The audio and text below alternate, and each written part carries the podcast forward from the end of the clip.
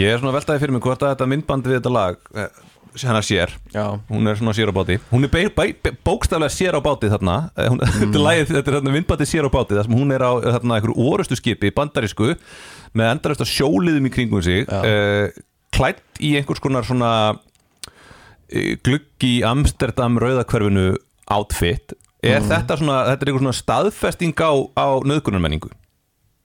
Nei, þetta er bara sexy Næ, ok.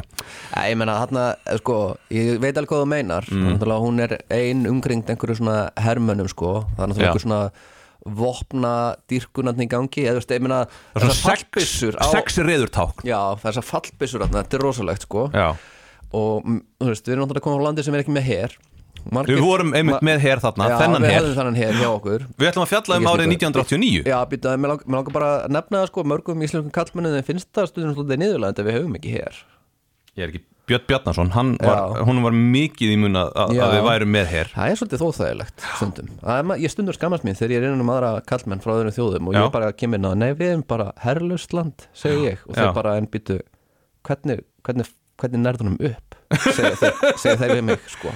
Sko, við eigum þarna eina byssu á hérna varðskipi En uh, kúlurnar í það, það þær eru vist í einhverju geimslu á Grænlandi Við höfum ekki ennþá sótt þær. Já, emmitt En þið eru að hlusta á Eld og Brennistein Já, Í Eld og Brennistein í skuggasögunar uh, Við fórum úr í skugga nútíðar Í skuggasögunar uh, Við ætlum að fjalla um árið 1989 árið sem að bjórin var leiður Já, Stórt, það er stórt stökk Já. inn í nútíman sem Þá- Ísland tekur þá. Já, þá náttúrulega bara Þá fór allt til fjandans. Þá fyrst fór allt til En fjandans. það var allt í fokki, við vorum það. í höllum 84 um daginn. Já, þá var allt Það bara var bara var allir druknir, allan tíman a- a- a- Þannig að- allan tí- það eru bara fólk var sífælt drukkið, það var keirandi drukkið það var, uh, þú veist það, þetta, þetta var svona einhvern veginn það var komið að einhvern þannmörkum Já, og það var bara, við getum alltaf leift bjórin Já, var það ekki þannig að þarna, var ekki eitthvað tengt í að spánverjar uh, neitið eiga viðskipti við okkur með saltfisk nema að við myndum selja Þetta er næstuði rétt hjá þér. Býtu, það var eldra, það var þeirra léttvíni var létt. Er, já, ástæða þess að í kreppunni það var sko áfengi var bannað það var alveg þjóðaratkvæðagreyslu um það Já. og áfengi var bara bannað eftir, og þarna voru niðurstöðu þjóðaratkvæðagreyslu virtar af, það var afgerandi, Já, afgerandi. Það, en þú þú, þú, þú er færð náttúrulega ekki þannig þarna útkomu nema að sé bara eitthvað hellað í gangi En málið það að hagsmunir sjávarútvæsins munu alltaf vera ofar heldur en viljið þjóðarinnar Já. og hagsmunir sjávarútvæsins voru þeirra að selja saltfisk til spánar og þar leðandi létu undan kröfu spánverja í þessum viðskiptasamning Já. sem við gerðum að þeim ættu selja okkur léttvín Já. og og já, það, þarna, þetta var fyrsta en ekki síðasta skiptið sem geng, mm stjórnvöld gengu þarna, gegn Þvert á vilja. þjóðarinnar uh, en svo var nú haldin önnur þjóðaratkvæða greiðslu held ég og áfengi var leift nema Já. bjór það var nefnilega bjórin, Já, bjórinn. þar í hinnum litla vínanda, þar býr djöfullin Í, það var þjóðurnisíkja sko. Þetta var Já. nefnilega, ef þetta var einhver svona miskilin hemd gegn dönum, af því að við, Danir eru bjórþjóð og svona. Þetta var eitthvað svona þannig held ég. Jésús, var þetta bara minnimátt sem var til þess að við vildum Já. ekki leifa bjórin Engin bjór, engin her, Já, minnum átt að kent uh, 89 Ma, mm. hva, Manstu eftir, varstu eitthvað farin að muna eftir þér þarna? Þú ert fættir 84, áttu eitthvað minningar? Um, Ég er fimm ára á þessum tímafóti Já, hvar varstu þá? Var á leikskóla. Já, hvar? uh, Manna það ekki. Uh, bjóstu í Hafnarfyrði? Herru, við vorum að flytja þetta ár Já, ég, uh, úr, Við byggum í Hátúni í Í öryrkjablokkinni Nei, nei, nei, við byggum við þarna í einbýlisúsi við götuna. Ok, Þannig að beint deila móti það sem Nóatún. Nei, var, krónan var Krónan mér sem færi farin hún net, netto komin? Já, netto, er netto þarna núna? Eps. Ok, og Dominus er, er þarna núna. Það er ógstlega fyndið, býtu krónan og netto eh, Það er samt ekki sama eh, Það er ekki sumu eigundunir, þannig Ég hef bara, þetta er glemur svo mikið í Það er bara, ég fór þarna í fyrsta skipti í gær og það eru alveg nákvæmlega sömu vörurnar í hillunum. Það var eins og það hefði ekki, þú veist, það var ekki tekið Nei, nema að þarna, uh, þú veist, það var bara skipt um skildi já, eða það var heila basically það svo gert. Já, en allavega ég, ég man kannski ekki að beinleins hvernig væpið var á árinu en uh, þú veist, ég held að fyrsta frétt sem ég man eftir hafa séð, hún hafði eitthvað að gera með fall Bellinum og held ég.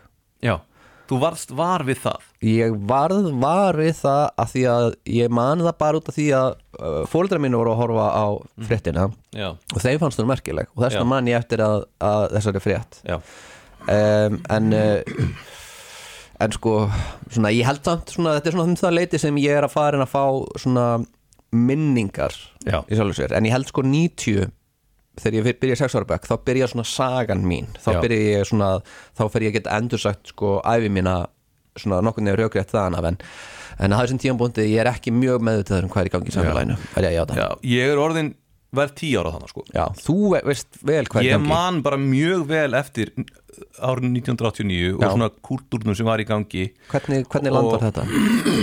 Ég veit ekki, þú veist, ég bjóðan í Garðabænum. Þetta er svona Já. frekar verndað uh, umhverfi. Vi- uh, Það sem ég, maður, ég var, maður var aðla bara að pæla í sjónvarpinu, þú skilur. Já, Það er, þú veist, þess að ég líti hana tilbaka og sé bara, þú veist, að Santa Barbara var á dagskrá á stöðu 2 Nágrannar voru ekki eins og byrjaði, sko. Nei, nei. Þetta var, þú veist, þetta var myrkur tími í sjónvarsdagskráni og brasilíska sápuóperan garri en 84 sant? Já, já, brasilíska sápuóperan Ambátt var Já. á, þarna, sínd á rúf Em- Þannig að þetta var, þetta voru mjög erfiðir tímar og það var, þetta var svolítið svona, þú veist, það, var 11 fréttir Mhm. og svo, þarftu, svo bara var þjóðin farin í rúmið Já, sko uh, þú nefndi við mig síðast að því nú voru við síðasta fjallum 84 Já. þá aðna sjónvarsdagskorinn var hörmung á þenn tíma Já, við, við við, við, lesum mikið af pislum í blöðunum um það bara fólk er að ringin í blöðin til að láta Já. vita að sjónvarsdagskorinn er glötuð og líka það að við vorum með fæsta útsendingatíma Já. í allir í Evrópu og þú myndist á því með að um þetta leiti að þú finnur fyrir fyrsta hlýja vindinum sunnan.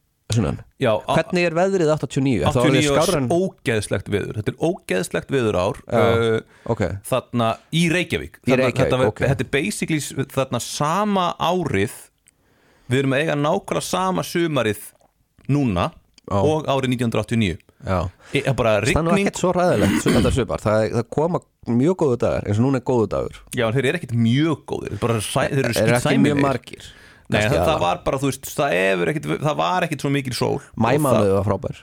Já, en þannig að sumarið kom ekki neitt mikið árið 1989 og veturinn var hræðilegur. Þetta var, hérna, uh, þetta var lægðaveturinn mikli.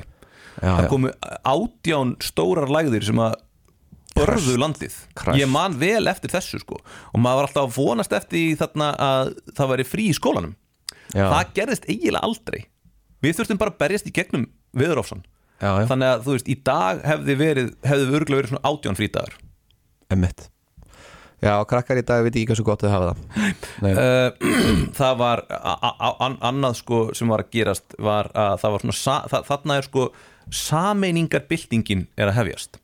Og þá er ég ekki að meina það að fólk sé að sameinast Nei. heldur eru uh, fyrirtæki og flokkar að þú veist það voru aldrei uh, þú veist nú, nú voru ekki lengur ferðaskrifstofur sem að hétu kannski úrval, Nei, er eða, úrval. eða útsýn. Nú það var úrval útsýn. Emmitt þetta var uppæðið og og líka svona saminning uh, stjórnmálaflokka, það voru vola mikið verið að ræða það á þessum tíma. Já, já, er, þeir, þeir eru að preppa sig yfir í að peppa sig upp í að vera í samfélkingunni Hérna- Samfylking, Vafki, þetta er svona eitthvað En það var áttur að taka alveg heilin áratuð viðbót að Ég veit það, en það var svona, þú veist, það er byrjað að tala um þetta. Já, en erlistin hins vegar, það er mjög stutt í hann á þessum tímamóti að þau eftir að, að saminast í Reykjavík í borgarstjórningkostningum og vinna, þannig að það er ekki langt í það. Já, en það eru allir múin að fá leið á því að Davíð Oddsson er múin að vera borgarstjóri þarna í heilan áratug og þau veit að, að vinstri menn eru bara þau eru að búa til eitthvað neyðar áallin já, sko, þarna orðið á götunni var það að Davíð Oddsson væri fasisti, basically.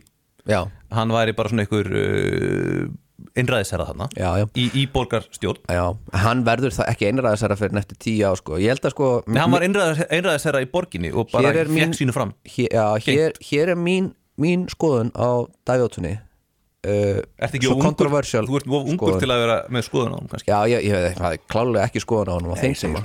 Já, uh, kannski hafði ég skoðun á honum út frá uh, spaukstofuna því að spaukstofan hún hefur göngu sína sem 89 á stöðinni. Uh, og eru þá á stöðu 2 þá byrjar sem byrja spaukstofun ertu alveg vissum að það verið á stöðu 2 Já, þeir voru á stöðu 2 Ég var, ég, voru Season 1, stöðu 2 síðan fara þær yfir á Rúf Rúf bara eiginlega kaupið á til sín.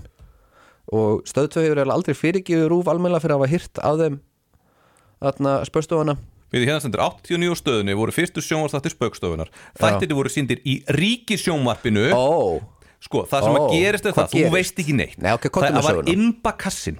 Stöð 2 keftið á yfir og bættu latta við Já. og uh, og bjuggu til þarna imbakassan. Ég held að það hafi bara enst í eitt ár. Já, en hugsa sér sko ég myndaði hversu sýnslegt það væri ef að þarna ef að Rúf hefði stólið fósbræðurum að stöð 2 á sínum tíma eða eitthvað svoleiðis. Of controversial. Of controversial, já. já en mér svo sittum við uppi með spaukstofuna bara í heil 30 ár eða eitthvað, Já, ég meina, þú veist hugsa út í það sko. Já, það, hugsa út í hvað það klikka hvað þið voru lengi í loftinu sko. Já veist, það er engin ísköpun og, og eitt af það, því sem ég tek eftir þegar ég var að fletta blöðuna þannig gerði mig pínlund þunglindan Já. er sko bara Groundhog Day. Mér Já. líður eins og Ísland sé ennþá árið 1989 út af því að ég les bara söma pistla í blöðunum og þetta er sami pistill og ég geti bara verið að lesa í einhverju öðru blaði þú veist.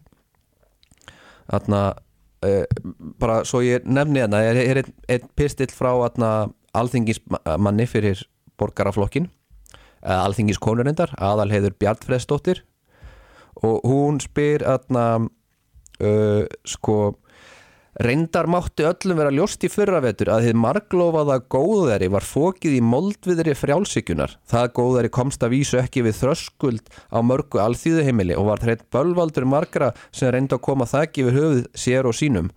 Og ég bara, árið hvað er þetta? Góðæri sem er fókið í moldviðri frjálsíkjunar, er þetta skrifað árið 2010? Já, já, nei, veist, nei Hvað er í gangi? Akkur eru við, veist, þetta er svona... Þarna er kreppan að koma sko Þarna, Já, já. það atvinnuleysi jógst um 200% frá 88 til 89 Já. uh, Það var endalusvetur Já. það kom ekki til sumar Einmitt. En ég ætla að En, en svo kemur sko góðæri aftur. setna já, já. Þetta þú gerist veist- bara svona, það fer upp og niður sko. Já, það er bara svona upp og niður Mér finnst þetta bara Groundhog Day stöðut á Já, Íslandi já. Mhm. Það er annarkort góðæri eða kreppa og það er alltaf einhvern veginn frjálsíkjun að kenna já. bæði henni að þakka það sé góðæri og henni að kenna það sé kreppa og, og að það er alltaf molduðri já, en ég er búin að finna hérna imbakassan Já, uh, Á bakvið þættina stóðu til Latti, Siggi Sigurjóns, Örn Árna og Pálmi Gestsson öðru nafni Gís Bræður. Kissbræður uh, Veturinn uh, 92-93 var Friðrik Erlingsson með þeim. Veturinn 92 var Þröstur Leo Já, kemur hann með? 93 var Hjálmar Hjálmarsson svo kom Já, já, svo bætti Siggi Sigurjóns við Já. 93-94 ok. Uh, svo kom Sigurbjörn Aðalsteinsson ég veit ekkert hver það er. Nei. Guðmundur Ólafsson, veitu hver hann er? Já, já, leikari og Leikari. Emil og Skundi, höfundur. Á, en sá eini sem að var aldrei nei, það voru tveir sem voru aldrei Randver kom aldrei og Karl Ágúst var aldrei. Nei, Gísbræður Ég vildi, ég var til í að vita hvað gerðist. Hvenær kemur, kemur GS-bræðrar í Union? Þeir koma aftur á svið. Að, því að spaukstofumenn er einhvern veginn alltaf saman Það er allir búin að alltaf- gleyma alltaf- þessu. Nei, bara, mér finnst það miklu meira interessant ef GS-bræður snýri aftur. Já. Þú veist, Þú veist, ég var nú alveg uppi með, og með vitur ræna á þessum tíma. Já, ég, ég man samt ekki, ég man eftir imbakassanum Já. en þetta gísbræður er ekki eitthvað sem að sem að ég man já, eftir. En það er spurning bara hvort að en svo, þú veist, byrjaði þess að spöggstofan aftur árið 96 já, enn einstöðin. Já. 1996 þannig að þá vitum við það. Einmitt. Þegar helstu grínara landsins stálu senunni í imbakassanum já, það var hérna hann var mjög vinsall á stöð 2 já, já, en heyrðu, á ég að segja þér atbyrði ársins svona nokkur neginn frá Já. mínum helmingi frá þínum helmingi frá, Já, hvað ég gerist ætla- fyrir hluta árs já Uh, Komdu það með er, það. mér finnst ekkert mikið verið að gerast sko. ég sá bara 21. í janúar samkvæmt Wikipedia spaukstofan hefur gungu sinni í sjónvarpi með þættir sínum 89 á stöðunni uh, ég ætla bara að segja íslenska fréttir það er eitthvað að gerist út í heimu þetta þið bara ímyndið ykkur það eh, kæru lustundur um, það er atna, veist, bara eitthvað illviðri selta og einangur er í spennustu og geitálsi veldur ramasleysa á öllu Íslandi það gerist 12. februar, hræðilegu vetur greinilega uh, 1. mars, sala bjórsins leð mm. ég man eftir því svo, já, það kemur tæki til geislameð sem er notað í geislameð vegna krabbamennar var tekið í notkunar landsmyndar Íslands þannig að þeir byrja á það að gera það innanland mm Mhm. Um, gott, gott mál. Uh, Gameboy kemur fyrsta markað í Japan. Þetta er svona eina alþjóðlega frétt. Ég verð að maður verður hendi inn en aðtöðu, 8. apríl 1989, fyrsta bónusvöslunin opnuð við skútu og í Reykjavík sko. Hún er enn opinn hún er enn opinn já, góð búð sko. Um, og það er alls konar verkvöld og eitthvað svona. Það er bara ekkert mikið annað að gerast hérna á fyrir helmingnum. Sko, stóra fréttin er að bónus opni held ég, sko, en Já. það er samt ekki stór frétt á þessum tíma. Nei, Það þetta stór- var bara einhver lítil búð. Einhver var lítil ein búð, önnur, já. enn ein búðin. Já, og þetta mun, hún mun náttúrulega breyta öll en, veist, kannski stóra alþjóðlega fréttin, myndi ég segja, fyrir utan svona að rússar eru að hörfa út úr Afganistan, það er þarna mótmælendur á, á torgin símneska friðars Já, í það Beijing, ógeð, sko, það er ógeð. En, Já. en þarna, annars er þetta ekkit eitthvað, minnst þetta ekkit brjálæðslega viðbörðuritt ár, þannig séð. Svona, allan öðsum fyrir helming Hva, hvað var þitt teik á því? Já, Fyrir helmingnum, ég skoða hann ekki. Nei, á setni helmingum, er eitthvað, minnst þetta stórt ár? Þetta var, þetta var náttúrulega ömurlegt ár. Við erum svona nokkurn veginn að eiga mjög svipað ár nema það veturum var helviti fín Já, Þú veist, ok. við fengum ekki hérna uh, Þannig að veturinn eftir sumar 89, hann er ágætur. Það að segja það? Var, Nei, veturum fyrir já, ok. Þann var, veist, veturinn, þú veist, 89, 88 89 veturinn var mjög slæmur. Já, uh, og svo, þetta var orðið sko þannig að, að sumari var svo slæmt að 11. júli kemur frétt í DFF þar sem að segir að málningar framleiðendur eru orðinir virkilega svartsýnir. Það það er ekki þetta mála, það er alltaf rigning. Já, já, já, já. En ef, Ok. okay. bara, ef húsin hefði nú bara verið staðsett á eigilstöðum eða akkuriri, já, þá hefði verið hægt að mála emmett alveg eins og vindurinn. Já, gott að mála og svo kemur vindur sko, að þotnar, fljóta þotnar sko já, já, En þetta var bara svipað núna ef maður var að skoða sko veður spána fyrir uh, morgundaginn á baksíðu DFF að þá var alltaf sól 18 gráður á eilstöðum og Akureyri uh, skíjað, rók, rigning 11 gráður í Reykjavík. Bara svona svipað og er núna. Um, Þannig samt sko á setni helmingnum árinu Já, svo ég nefni það, þá eru alveg stór uh, atna, það eru sko stór tíðindi uh, alþjóðlega út af því að uh, það er eiginlega kommunistablokkinu öll að falla. Að veist það eru uppreisnir í Rúmeni og Tjekklandi og allir þessum Mhm. stöðum. Þannig að það er eiginlega, veist, það er eiginlega alltaf hrinja og það er svolítið stór viðbyrður já. alþjóðlega.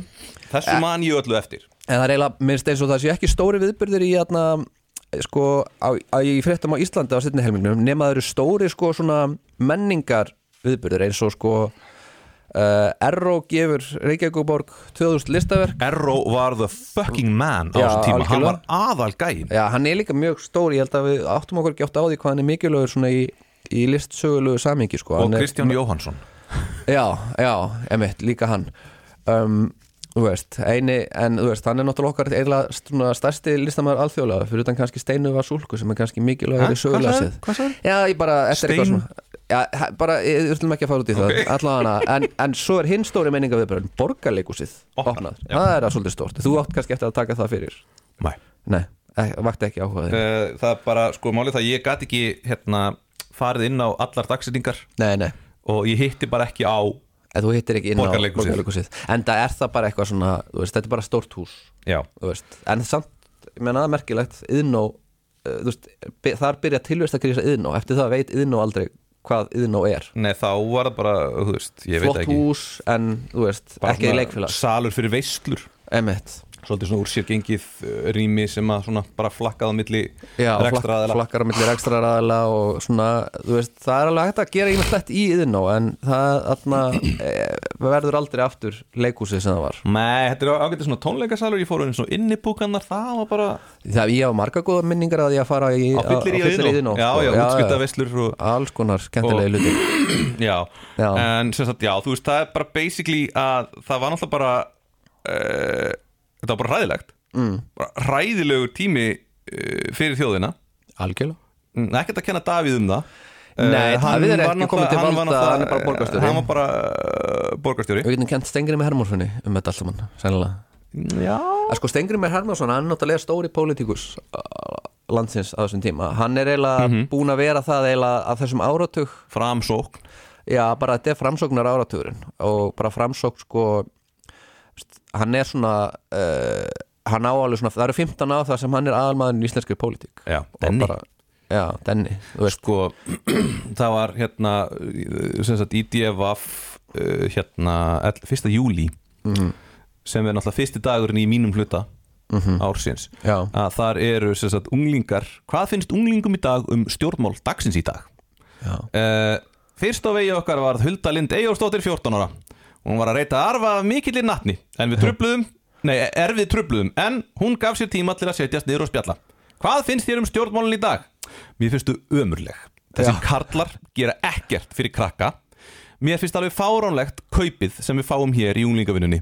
Já. það ætti að hækka að minnstakosti upp í 30.000 á mánuði en núna er það bara 20.000 Já, svo mættu vera fleiri félagsmiðstöðvar. Algjörlega sammála. Eina sem þessir stjórnmálamenn gera er að hækka verðið mér finnst svo óréttlátt, óréttlátt að hækka verð á mat. Svo finnst mér að ég að hækka lágu launin. Annars Já. eru þessir stjórnmálamenn bara hallarisleir það þarf að yngja það upp. Og af hverju má ekki lefa ungu fólki fólki um tvítugt að stjórna landinu? Það eiga allir aldurshópar að vera á þingi. Ég kann best við Albert Guðmundsson að þessum stjórnmálamönnum. Hann virkar mannlegur. Aftur á móti finnst mér Steingrimur Hermansson leiðinlegastur. Hann segir bara ein, eintóma dellu. Og hann er eitthvað svo langdregin Já, krakkarnir vilja meira, meira, meira hasar og þetta er bara sama stúlkan að tala að það Já, og svo er hérna annar sko strákur hérna, Já. Pétur Hrafn Árnason, uh, 15 ára. Það er alltaf verið að kvarta og allt virðist í óreiði í þessu landi. Stjórnmálaramennirni ráða ekki við hlutina en maður veit ekki hvort eitthvað betra tæki við þótt þessi stjórn færi frá og önnur kemi í staðinn. Hér hafa allir flokka verið meira og minna við stjórn og manni sýnist ekki skipta að miklu máli hver þeir eru við völd. Já, Hann var, ekkit, hann var sáttur við hérna uh, launin Ok, var að sáttu við þau, ok. Auðli og talar um sko að hérna, stjórnin gati ekki komið veg, í veg fyrir atvinnuleysið sko. það Nei, bara nei. var þú veist sko hann saði sko, mér finnst rétt að láta þau fyrirtæki fara á hausinn sem ekki standa undir sér og eru illa rekin Já, já, það er það Hvað átt að gera já, annað? og svo þarf að finna ný arðvænleg atvinnutækifæri sem er kannski Já, en svo segir hann, en það verðist enginn geta stjórnað þessu landi kannski ættu við bara að taka við dönum aftur þetta er alveg hugmynd sem kem poppar upp reglulega. Já, þannig að það var svolítið svona en þarna voru nefnilega normenn ekki búin að finna ólíuna Já, nú, það, eftir það verður þarna var- sko aftur. voru danir Já. ennþá svona einhverju svona mögulegi sugar daddies. Já, mér finnst þetta svolítið fyndið sko. Ég sá einhverja greina sem uh, Guðrún Helgadóttir sem skrifaði Jónat og Jón Bjarna og þarna er, er að mínum að deina svona hún er legend. Hún er legend sko. Mhm. hún uh, tuðar svolítið yfir því hvað allir eru neikvæðir í garð stjórnmálana og hún er bara einn í DFF að segja frá því að allir eru að segja við séum svo vond og leðilega og skilji ekki að, og þá múin þess að segja sko frá því að sko þingmenn eru með helmingi herri dagpenninga heldur en aðrir embatismenn sem er að fara út til útlanda og hún er að reyna að útskýra það að veist, þetta sé ekki vennlegt starf að vera þingmaður, við fáum ekki borgaða yfirvinnu eins og þetta embætismannhalið sem fær borgaða yfirvinnu fyrir að fara út. Já. og það er svona eigiðu skilað að hafa töfalda dagpenninga og mér finnst það svolítið fyndið, þetta er náttúrulega svona sósialisti, kommunisti að verja þetta fyrirkomulega þau fá eh, stóra uppæðir þess að eigða í mat átn úti og þetta er samt ekkert endilega henni. Þau þurfa öruglega, þeir eru ekkert að fara út og borða á ódurum stöðum með hinnum þingmannunum sko. Nei, það get ekki verið minni menn Nei, Og geta konur. ekki verið minni menn og konur og allt þetta. En uh, það er samt svolítið aðeinslega að þarna er bara, mér finnst þetta bara, þetta er svona groundhog day. Það er Já. alltaf verið að tala niður þingið. Já. Þingmenn eru ömulegir og þeir hafa það alltaf gott og öllum finnst þeir hafa alltaf gott. Og svo koma þingmenn og segja að ég er svo erfitt að hlusta og þeir eru alltaf að segja við séum ömuleg Heyrðu, og heyrðu, Já, bara ástöð Kassata, 14 ára Já. var að snirta hljómskólagarðin, hún var spurð um, um, út í þetta.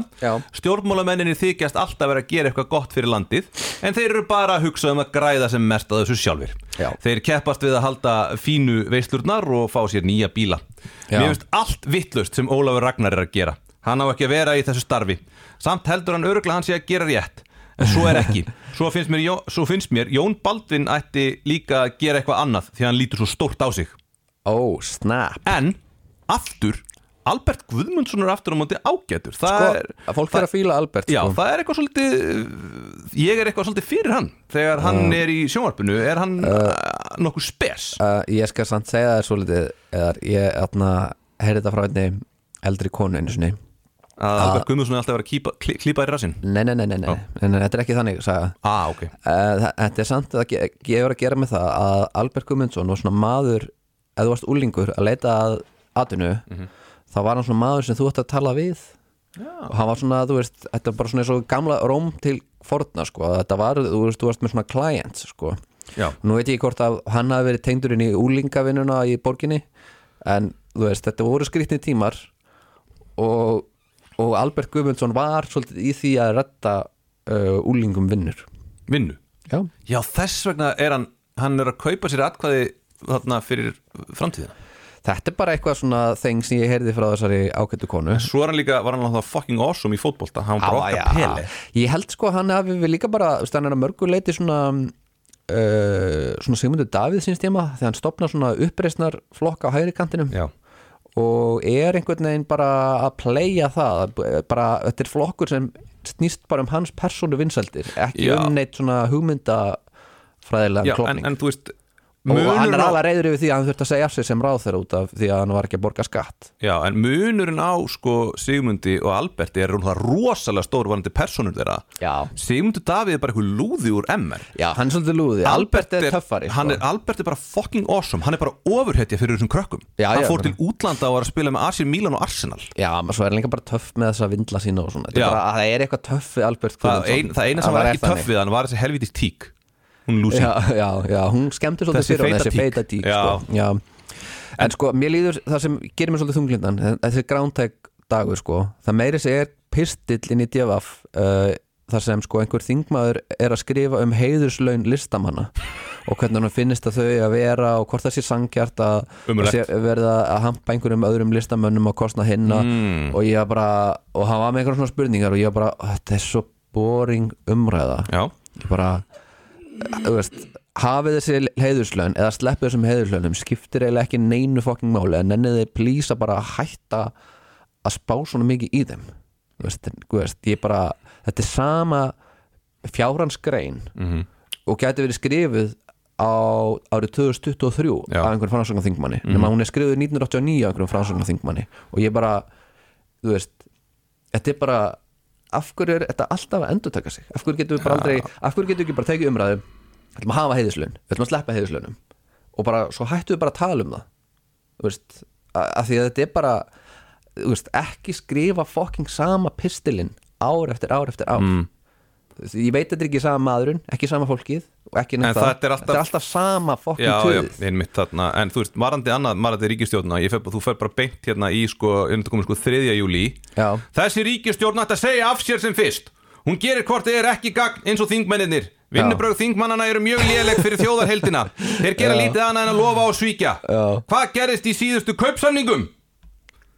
Eh, hvað gerðist? Heyrðu, svo, svo endar hann, hann, hann klingir út með Mjólkin var hækkuð svo mikið að hún var illseljanleg Já. og fréttir herma að salana við minkað um helming og sumstaðar meira. Vinnubröð ríkistjórnarinnar hafa verið öll eftir þessu. Já, herðu, ég ætla lí- líka að lesa fyrir þig úr öðru svona hérna, öðrum pisli hérna í DF Þetta er kommentakerfið. Þetta er kommentargerðið sko. Hér er skrifað Sigriður Rósa Kristinsdóttir fulltrúi í landstjórn þjóðarflokksins. Þjóðarflokkurinn náði ekki inn á þing sko. Uh, og hún byrjar pistilinn sko. Pistilinn heitir Jericho, Mesopotamia, Ísland og hún sem sagt eh, sem sagt skrifar um launamissetti, þetta er örugglega alveg rétt hjá henni mismunur launa getur orðið alltaf 300 krónur á mánuði frá rúmlega 30 krónur hjá þeim með lægsta taksta uh, í kvennastörum, öldruðum og örgjum. Og þeirra gælu þegna herfisins er lengsta tróður sinni hlunnunda og bytlinga myrkviðin það er 300 krónar mi mi mismunur í launum. Býttu bara Það er miljón sko. Já, en býttu bara þetta verður talsvært meiri launamunur í framtíðinni. Mhm. en allavega Einn af fulltrúum óreitlætisins leitaði réttlændingar á launamiðsettinu aftur til 3000 árum fyrir Kristburð, austur í Mesopotamíu nú veit ég ekki hvað hún er á vísi okay.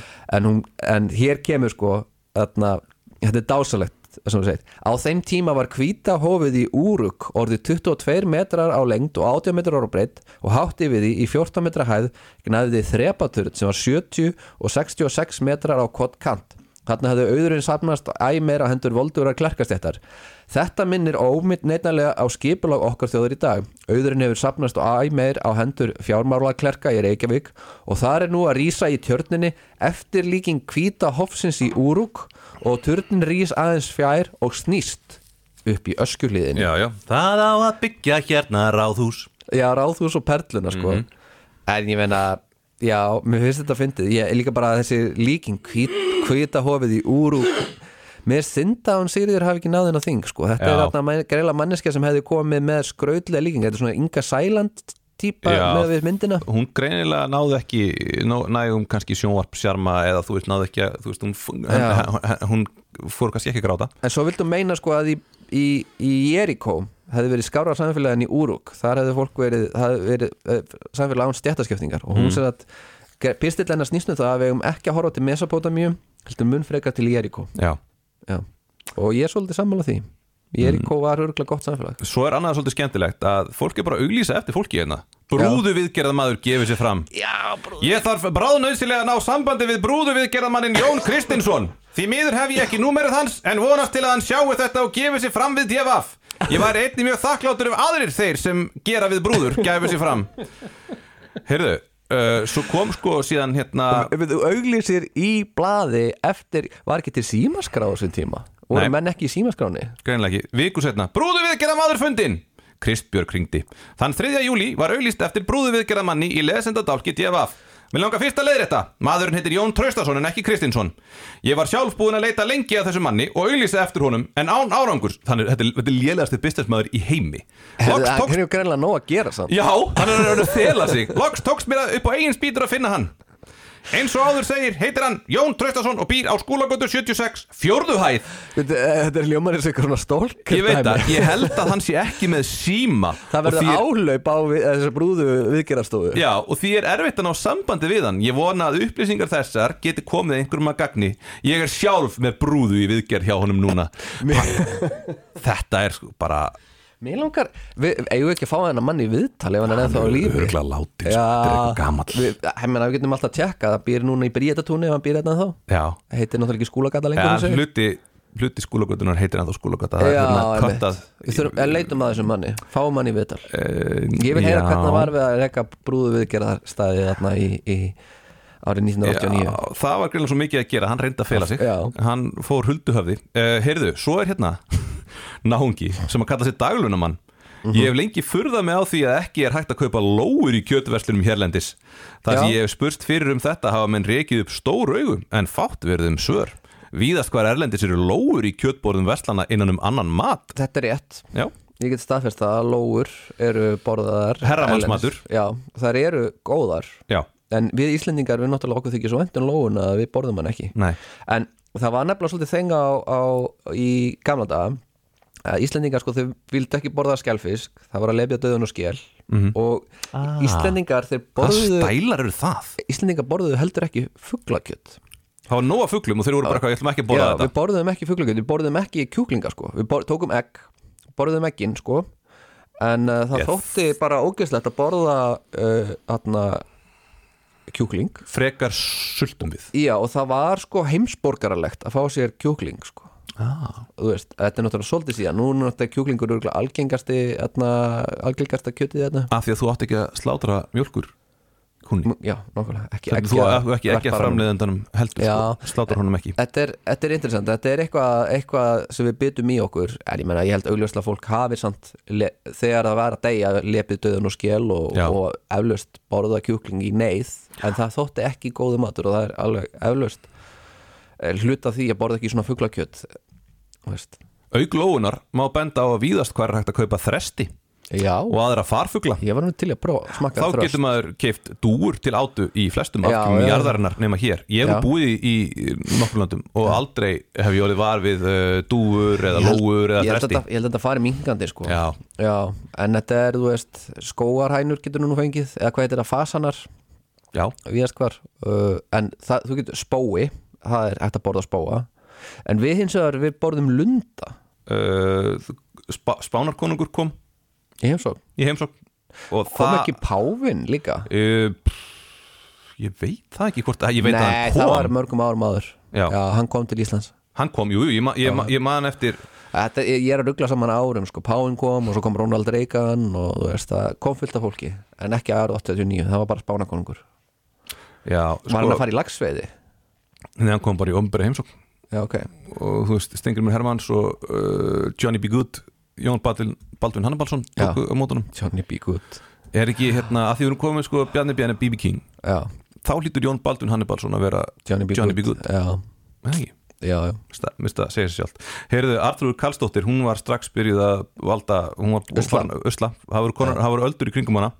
Hún var náttúrulega Hún var þarna á bylgjunni. útvarpskona og, Já. hún, hún byrjaði á rást 2 og fór svo yfir á bylgjuna. Já, já, uh, fyrsti útvarstjóri bylgjunar og núverandi blaðafulltrúi fluglega getur valla að hafa verið íkja stoltur af þessu fyrirverandi óskabarni sín í útvarstöðunni bylgjunni þegar umsjónamöðu þáttanins Reykjavík síðdeis braut allar hefðir góðrar og gildrar frétta og efnisvinnslu með því að draga svo taum flugfræja í aðstæðandi verkvalli að undrun sætti ah, og manneskjan sem er sem sagt, að hneykslast á því að Artur Karstóttir skuli tala máli flugfræja já, er kona. Já, já. Þú sendir konu til þess að berjast til konu Já, máli. skjaldsveinn feðraveldisins. Já, hver er þessi kona sem Anna? Gunnarsdóttir, þetta, þetta eru örugglega allt fólk er sem er. Já, en sko en við höfum nú tekið þennan taum líka sko, þegar atna, Eldur og Brennisteinn hefur fjallað um þegar uh, flugþjónar og flugfjölu er að deila. Já, eins og, eins og atna, þegar Play vill borga að lága taksta og Mm. þegar Æsland er að reyna að berja niður flugfyrir félagið þá stöndum við nú með þeim. Já, en það, það Við stöndum með vinnandi fólki, sko, þessum Artrúður. Artrúður greinilega er þú veist hún er með hjartað eitt um stað í Já, þessu máli. hún, Já, þú veist, hún er ekki öll eða var allavega ekki öll uh, það sem hún er séð. Hún er ekki öll það sem hún er séð, hún hérna var hún allavega á þú veist, já, já, á réttum stað sko. já, já. Ég, þú veist það er, það er allt þegar flugfélög og, og flugfreyður deila þá er það flugfreyjan sem er rétti. Það er bara þannig. Ég Já. er búin að lifa það lengi og sjá það mörg verkvöld að ég bara veit þetta. Já, en hún líka sko, e, e, það sem hún er að gera hún er, hún, hérna er Artrúður sko, að vera kvarta undan því að hún talar við fólk um þetta yfirvóðandi flugfröyu verkfall já, og hún er með mjög harða afstöðu. Já, og hún segir sko bara ef að fólk er eitthvað á móti flugfröyu verkfallinu þá er hún bara þú ert heila þvein já, uh, og, og, reynir sagt sjálf þá að uh, að heila þú að viðmælendur sem töldu annmarka á verkfallsbóðun flugfræðana og til þáttarinn syngdi líka fólk sem virti styðja flugfræðunar af heilum hug þar á meðal verkakona einn sem vann í fiski og óskaði þess af heilum hug að flugfræður sigruði í sokkabuxnastriðinu við flugleðir Aumingja konan hún veit víst ekki hvað flugfræður hafa í laun. En svona er lífið oft. Þeir minnumáttar eru alltaf tilbúinur að íta á vagnin hjá forgangshópnum. Byrður hann að segja að flugfreyður séu sér á svo háum launum og það sé skrítið að verka konur haldið með þeim Mm, Nei, ég held hún sé sko, þessi manneska, hún gerir alltaf sko gæsalappir, já, þú veist þannig að hún talar alltaf undir rós, þannig að þetta er bara fyrir fólk sem að hérna, heyrði Einmitt. Sokkabuxnastrið, er, er flugfyrir að deila við, við satt, uh, flugfélögunum þau vildu fá fucking sokkabuxur. Vildu þið fá sokkabuxur eða vildu þið fá að sleppa sokkabuxur? vildu fá sokkabuxur. Þið vilja bara fá sokkabuxur. Já. Já, þið, þið vilja ekki þurfa að greiða sinn eigin búning sjálf Já, þú veist, þú fegst búningin Já. en þú þurftir að kaupa þínar eigin sokkabuxur og er ekki sokkabuxur okkur dýr vara Já, þetta er eins og með sjómennina þeir þurfa alltaf að greiða bensinið á bátnum og kaupa sinn eigin búnað, þú veist, hlýðarbúnað það er ríkalegt maður Já, þetta er, þetta er svona Þetta er gegnumgangandi að fyrirtæki reyna að koma kostnaðinum Já. yfir reksturinn yfir á uh, launþegana sko. og gerendur reyna að koma sökin yfir á fórnalöfin Já, já, það er nú alltaf það er líka já, já. alltaf þannig. Það er líka annað sem er að gerast í 89 er það að fólk virðist vera að gera sér grein fyrir því að feður skipta máli. Mm, já, feður skiptum máli alltaf. Að þarna feður hafa vitanlega mjög mikil áhrif á börnin sín. Eftir því sem þeir verja meiri tíma með börnunum sínum þá líður þeim og börnunum mun betur. Þannig að í rauninni sko feður fyrir þennan tíma Já, og Ég- eftir síndu börnunum sínum ekkert rosalega mikla, Nei. mikinn áhuga. Ég get staðfest það að, að þegar þú eða tíma með barninuðinu, Mhm. þá líður betur eftir á. Já, bara, það, það, það eigur vel í hann mm ég get bara staðfest það. Votta fyrir það. Já.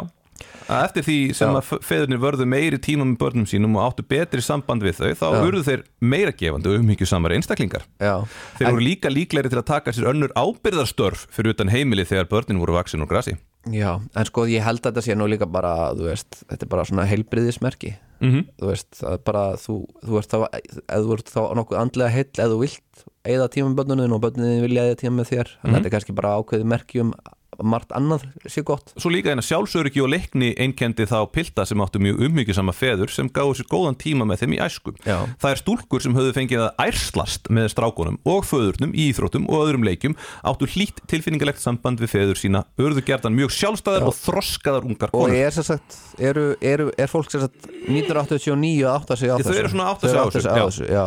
já, en ég veit samt ekki sko Að það er verið að kveða niður þessar rattir sem er að segja bara Já. það eina sem skiptir máli er unni samband móður og barns. já, emitt, emitt sem er náttúrulega ránkumynd sko Já. Já, einmitt. en þetta er náttúrulega sko, uh, þú getur ekki þú kallmenn geta náttúrulega ekki verið að vinna 120% og konur 70-80% Mm. ef samfélagið er þannig uppbyggt þá munur konur alltaf uh, vera með heimilið og kallmenn ekki inn á því Já. Og þarna það er, það er auðvitað það er auðvitað það sem við þurfum að gera við þurfum náttúrulega að tryggja það að kallmenn þurfu ekki að vinna svona mikið sko. Og konur. Og- Það vinna líka mikið. Já, konur vinna alltaf mikið, Nú, núna í dag vinna Já. allir alltaf mikið sko. Mhm.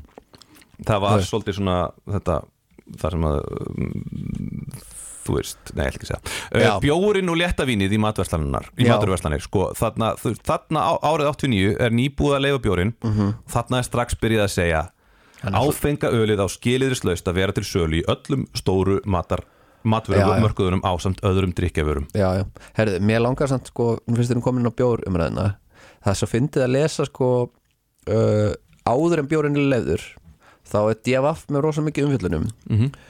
en rosalega mikið eru vangaveltur um hvað hann mun kosta mm. er, ég finn ekkert nánast ekkert skrifað um hvaða áhrif myndi hafa á drikju eða heilsufar eða menninguna eða þú veist, munið það ítundir opbeldi, munið þetta vera ofdrykja, verður þetta of mikið Mhm. það er, en það er grein eftir grein eftir grein eftir grein, því ég bara sló inn bjór og setti inn þessar dagsetningar þannig ég fekk upp allar þessar greinar það er grein eftir grein eftir grein sem fjalla bara um hvað þeir halda að hann muni kosta þannig að þetta er ekki komin í sölu ennþá þau eru bara eitthvað glasa bjór á 218 uh, krónur og þarna Uh, þú veist, og þeir deila þessu upp. Uh, söluskatturinn verður 25% þjónustugjaldið verður 15%, álagningin verður 50% og verð frá ATFR verður 100 krónur. Uh, og það er fólk að hafa ágjör af því að bjórin sko geta ekki staðið undir sér. Mhm. uh, þarna hann sem sagt muni sem sagt uh, uh, þarna þeir hafi áhugjur að því veitingamenn að sko fólk sem ætlar að byggja rekstu sinna á því að selja bjór það mun bara, það mun bara fara á hausinn Já, þarna, hvað sagður að bjórin kostaði? glasa bjór á 218 krónur það er það sem sko DFF er að spá þess að það, er spáinn sko. Í dag er það 974 krónur já, það Hvað kostar dýrt. bjórin? bjóri kostar á, á bar í dag þegar það er ekki happy hour er, þá er hann kannski á svona 1400 1200 til 1400 Þá kostar hann miklu minna þarna. Já, hann ódýrari en hins vegar sko hann er ekki happy hour konsepti komið sko. Og Mhm. málið er það að sko þú ert yfirleitt að kaupa bjór aðeins ódýrar á Já. meðaltali held ég. Ok, því að ég held að bjór seljist náttúrulega mest á þessum tímum þegar hann er á 750 þú veist ég held að fólk komist alveg upp með að vera með happy hour á 900 kall eða eitthvað svona sko. En það er svona, þá er það nú 900 kall er nú samt alveg eðlilegt verð sumstaðar sko. það er nú ekki það ekki mikið happiness það er sko. ekki mikið happiness en 750 þá er það er ágættis happy hour. Það er alveg eitthvað sem þú rekst á. Já, ég held samt, þú veist, þegar ég mátti byrja að drekka þarna Mhm. 99 já, þá held ég að hann hafi kostað það bara svona var þá einn rauður sko. Já, þetta er það er, það er 1400 kall. Já, þetta er alveg rosalegt. 500 kall, bjórin sem var að kosta 500 kall er sama og 1400 kall í dag. Já, pældi því. Þannig að bjórin hefur í rauninni ekkert hækkað. Og, það, og það er annað sem hefur ekki hækkað sem ég tók eftir, stöð 2 já, stöðtvö er atna, ekki mjög verðtægileg.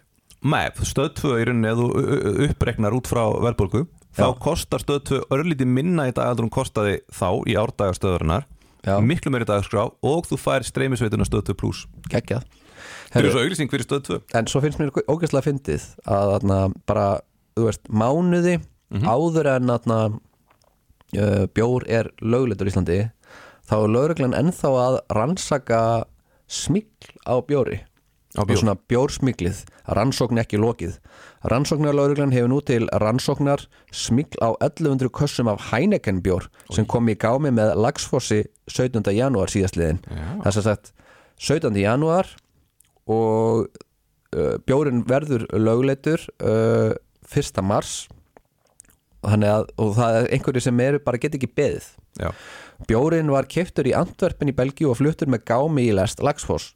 Gámurinn var skráður sem tómur í skipskráni. Þarna náttúrulega klikkaði, sko. Já. Þeir skráðan sér tómur. já, Það sérði nú í gegnum þetta, sko. já, tómur Já. gám Nema það sé mjög algengt að Gátu sé þeir ekki tómur gámar þeir ekki keft fullt af bara antíkúsgögnum með eitthvað ádýrt og bara fyllt uh, sófana með þessum bjór eða eitthvað. Gátu þeir ekki gert eitthvað svolítið sniðut. Nei, í staðan fyrir eru þeir bara með kassana Já. inn í gámnum Já, og löggan bara opnar þetta og það er bara, þetta er nokkuð augljóst en það, það er samt svolítið fyndið sko að það bara, það er bara markaður sem þarf að fylla Já. og þarf að selja bjór í februar þó Mhm. svo bjórum verður lögleitur í mass fólk getur ekki beðið. Það getur ekki hamið sig. Nei. en það væntalega þá hefur bjórsmikl verið í fullum gangi alveg áratugum En saman. það var náttúrulega verið að tala um það að væri allir drekkandi bjóra því að það væri svo, verið svo, að smikla þessu svo mikið. Já, ég meina já það kann, og mögulega ég hugsa að þetta gæti bara verið svipuð með fíknefnin sko að þarna uh, bjór gæti bara hafa hækkað í verði. Þú veistu þetta, af því að nú þurfa allar að greiða söluskatt og, og svoleiðis. Já, bjór, já. smíklaði bjór er skattfrjáls. Já, já, en þú veist, það mögulega... græðir enginn á því þú veist, það, það fer ekki út í samfélagi sko, Mhm. nema bara þú verður fullur og að- það er sjálfsagt einhver, þú veist, einhver sjómenn sem að kannski fá fóðra vasana sína. Við viljum frekar að þarna að ríkið sé að fóðra vasana sína, það ekki? Jú, það er skárra. Það er Já, þú veist, Ef einhver, ef einhver verður að græða þá vil ég gætna að það sé bara eða ofnbera Já, en sko, Já. man, við áttum við vandamál að stríða á þessum tíma sem að var í rauninni ferðamanna vandamál Já. sem var það að fólk hafði ekki áhuga á því að koma til Íslands. Og veistu af hverju það var? Af hverju? Uh, Engin bjór. Það var ekki það. Þarna, það var það Konundun ekki nógu lauslátur uh, Það þurfti að fara í einhverja Já, nei, það var, það var hérna bílalegunar Já, engar bílalegur. Jú, þar voru, Það voru alltaf dýrar. Þar voru svo dýrar. Þarna, ef þú ætlar að leiða þér jeppa í tvær vikur Já. það kostaði þessu samsvarar einni miljón króna í dag. Þetta er crazy. Þannig að sem sagt, uh, svo var ég með viðtal við uh, bandar, eða, sagt, mann frá breskri ferðarskrifstu og hann saði einn af hverjum þremur Já. 33% þeirra sem komu inn til hans og vildu bóka ferð til Íslands hættu við um leið og þeir fengu uppgefið verð á bílalegubílum Já, já. Skiljanlega.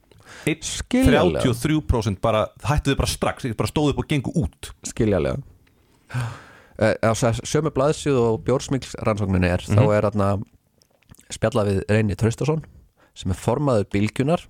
Er hann formaður bylgjunar? En ekki bylgjunar útvarstöðar ó, heldur er hann að tjá sig um aflakvotaskerðingu á vestfjörðum.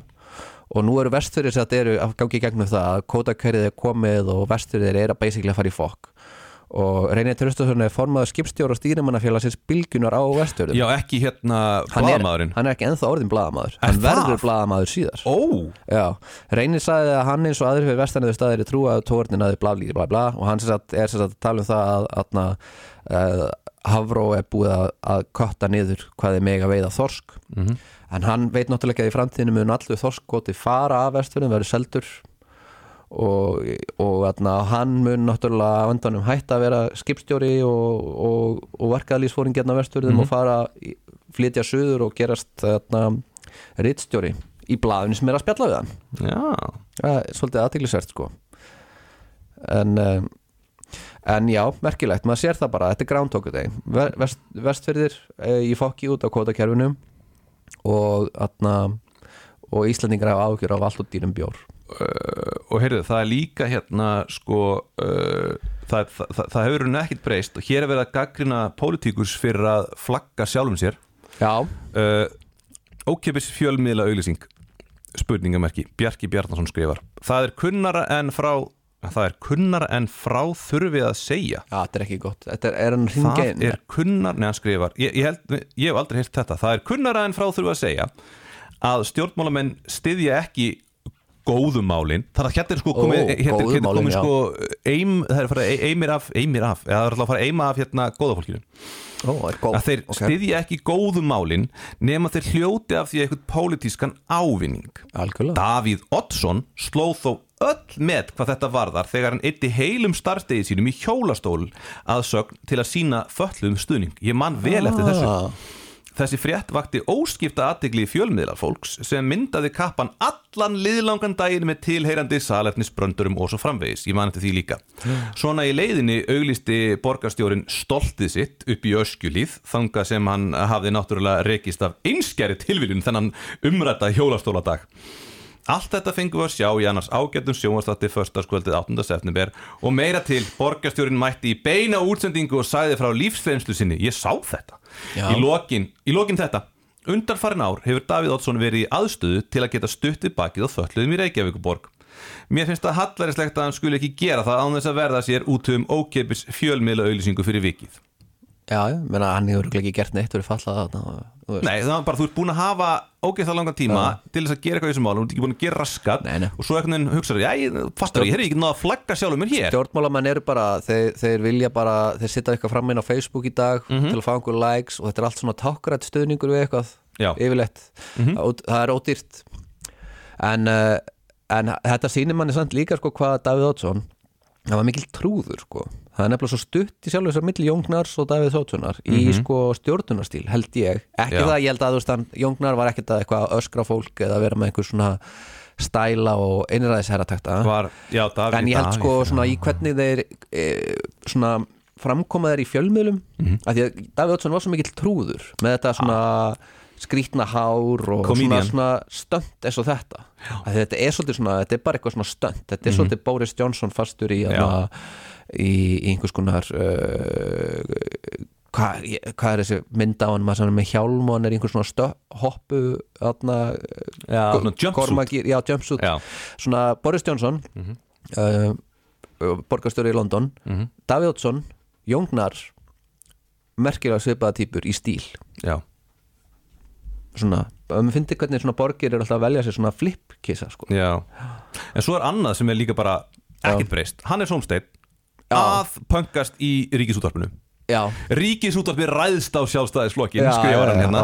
Dásalegt þá náttúrulega nýbúið að ráða hann sem prófessor sko, þó svo að hafi einhver annar sóttum með betri gráði Lektor, doktor Hannes Holmstedt Gissurason lektor með eitthvað, ógeðslegt skítaglott og Já. Vont er sjónvarpið en hljóðvarpið sínu verra.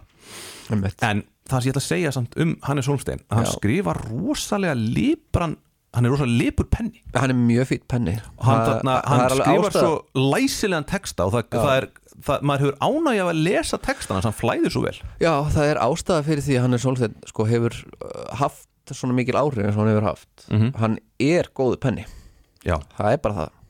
Og atna, hann, hann veit líka alveg hvað hann er að gera. Hann er mjög snjall í því sko hvernig hann hefur sko einn, einn þekktur rithöndu bent mér eins og nátt að hann svona hann hefði gefið út sko bækur með svona frægum línum uh, svona tilvittnana bækur. Já, og þá velur hann til dæmis að veist, hann vitnar eh, Margaret Thatcher á inni þarna kvót þar sem hún segir eitthvað um ástina eitthvað mjög fallegt um ástina. Og hann er svona þar, þetta er svona menningar bomba hjá hann, því hann sko veit að þegar fólk vantar tilvitun í eitthvað þá fer það í svona tilvitunabók mm. Og þá er hann búin að velja inn hvað er fræga fólki sem við vitnum í þegar við viljum segja eitthvað gáulegt eða búið Já. til ræðu. Og hann svona hann er svona svolítið snjall af því að hann er að, hann er að móta ákveðið sko andrúrslótt og ákveðið væp og ég held að það við örgulega vannmetum já, hversu sko mikil áhrif uh, Hans Olsteinn hefur haft á umræðina ég meiri segja andstæðingar hans hafa í rauninni tekið upp orðfæri hans ofta tíðum bara, já, hann hefði átt að vinna á auðlýsingastofu Eitruð kallmennska hann hefði átt að vinna á auðlýsingastofu, hann hefði verið góður í því Eitruð kallmennska hvað með hana? Hann, nei, Er Davíð Oddsson Já, Davíð Oddsson Sko, hann skrifa meðal hans hérna, Hannes Þú verður að fara dýpir í þetta, þú getur bara sagt einhvern frasa, þessar, Heiðar. þessar tvær furðulegu ekki fréttir eru Já. engar undantækningar hann var svona eitthvað tuða yfir einhverjum fréttum Já. Haustið 1988 byrtist um það stórfrétt í ríkisjónvarpinu að Ingibjörg Gísladóttir Solrún, Já. uh, borgarfulltrúi kvennalistans hefði skrifað um það grein í málgagn kvennarhefingarinnar að Davíð Oddsson borgarstjóri væri ráðríkur fram úr hói uh, og embættismenn borgarinnar honum allt of undirgefnir. Eitruð kartmennska, en ég nú er ég að fara í þetta sko ok. Nú veit ég ekki hverjum embætismenn borgarinnar ættur fremur að hlýða við venjulegar aðstæður en lögulega og líðræðislega kjörnum borgarstjóra. Það er svo sem alveg rétt, skilur, ég menna hann er Þú borgarstjóri átt er í að hlýða borgarstjórnum eins og hann sé ykkur hérna, Er hann ekki yfirmaður eða þú ert borgarstarsmaður? ég meina þú ert bara almenn kurteisi, það ég held að sé bara það sem að það er bara skítrættir við hann greinlega. Já. En hvað í ósköpunum er, var fréttnæmt við nöldur borgarfulltrúans? Svipaðar ásaganir innan gæsalappa. Um ráðuríki hafa dunið á Davíð Ottsinni í mörg ár. Ah, vá. Ó, þetta, þetta, þetta, eru geðveikar konur. Geðveikar konur að ásaka Davíð um að vera ráðuríkur. Já, eða sko, Davíð náttúrulega við vitum það í dag eftir að hann var búin að vera fórstisráþra og, og utaríkisráþra og og allt þetta og rítstjóri er það, hann er ráðuríkur maður bara, það er er auðvitað það er ekkert nýtt þarna en hugsa sér sko hvað svo lengi þessi Groundhog Day er búin að vera þannig er hann er sólstætt að verja Davíð Oddsson. Og, og þú veist, hann áttur að skrifa pistil um það að, að Davíð Oddsson sé kallaði ráðuríkur árið 2023 aflust veist, hann áttur að gera þetta inn í framtíðinni. Er, við eigum öruglinni áratugu viðbót af mjög orðurlíbrum uh, greinum um hvað Davíð Oddsson sé aðeinslegur og Hannes Holmstedt er hann ennþá, að- er að skrifa um Davíð? já, hann mun alltaf skrifa um Davíð. Bara, þú veist, þetta er náttúrulega stóra ástin í lífans hann er séð, sko. En hér er svona verið að, að svona promotera og íta undir eitthvað svona uh, ógnarstjórnar kúltúr og verið að láta, þú veist En eins og hann sé bara í lægi er þetta ekki orð gegn orðið samt bara? Nei, ég segi bara svona. Bara domstótt ég, Já. ég meina, þú veist hún meina- er náttúrulega, hún er alveg að nöldra ég meina, þetta er alveg hvað, þú veist hún, hún vill, hún er ekki orðin borgarstjóri eða þá, hún áttir að verða borgarstjóri. Já, hún er bara að segja að þarna Davíð Oddsson sé að koma illa fram við fólk. Við fólk. Já, það er bara svona í grunninn sem hún er að segja og Hannes Holmstedt er að hæðast að því. Já, nöðgunarmenning, er það? Eitru kallmennska já, ok, ég skal samþykja það með, meðvirk, gerenda meðvirkni þetta er bara gerenda Gerenda meðvirkni gerenda meðvirkni, já, ég held að þú getur nelta þar ég veit ekki hvort með eitara kallmennsku ég held að þú veist svona ráðuríkar típur eru líka konur, sko, líka en það er bara eitruð uh, hérna, eh, bara eitruð svona valdstjórna menning já. Já, en svo er líka svo fyndi þegar svona konur sem eru rosalega miklir feministar já. eru hegða sér svona. Slá skjaldborg í kringum aðra konur sem eru að leggja aðra, aðrar konur í já, og eru svo framarlega í hérna, eru rauninni sko að segja að þau maður er hægt að beita ofbeldi á meðan þær eru rauninni berjandi á fólki já. þarna metaforikli út um allar trissur emitt, já það, nú erum við að blanda grauta saman einhverjum málum en, en, ég er að en reyna að tengja þetta við nútíman sko. einelti er slæmt. Einelti er slemt og ofbeldi er ljótt en það er bara allt og mikið af fólki sem að, Já. að, sem að er að beita ofbeldi og kemst upp með það í skugga einhvers konar stöðu og skjaldborgar sem búið að slá í svo kringum líka það. bara, þú veist, stundum ertu bara í einhverju uh, stundum ert þú bara í heilari réttlætisbaratu, Já. aðeins áttaði á því að þú ert með slóð af uh, af þólendum uh, þeirra baki. En uh, en, en ég lengi að samt spyr með því á stundum oft eins og við vorum að taka umræðu uh, um daginn um, þarna, um hvernig þarna, uh, þú veist uh, þú þarft stundum að vera fullkomin til að geta uh, tekið einhvern já, málstaf mátt ekki tjá þig mátt ekki tjá því þú ert ófullkomin. Mhm.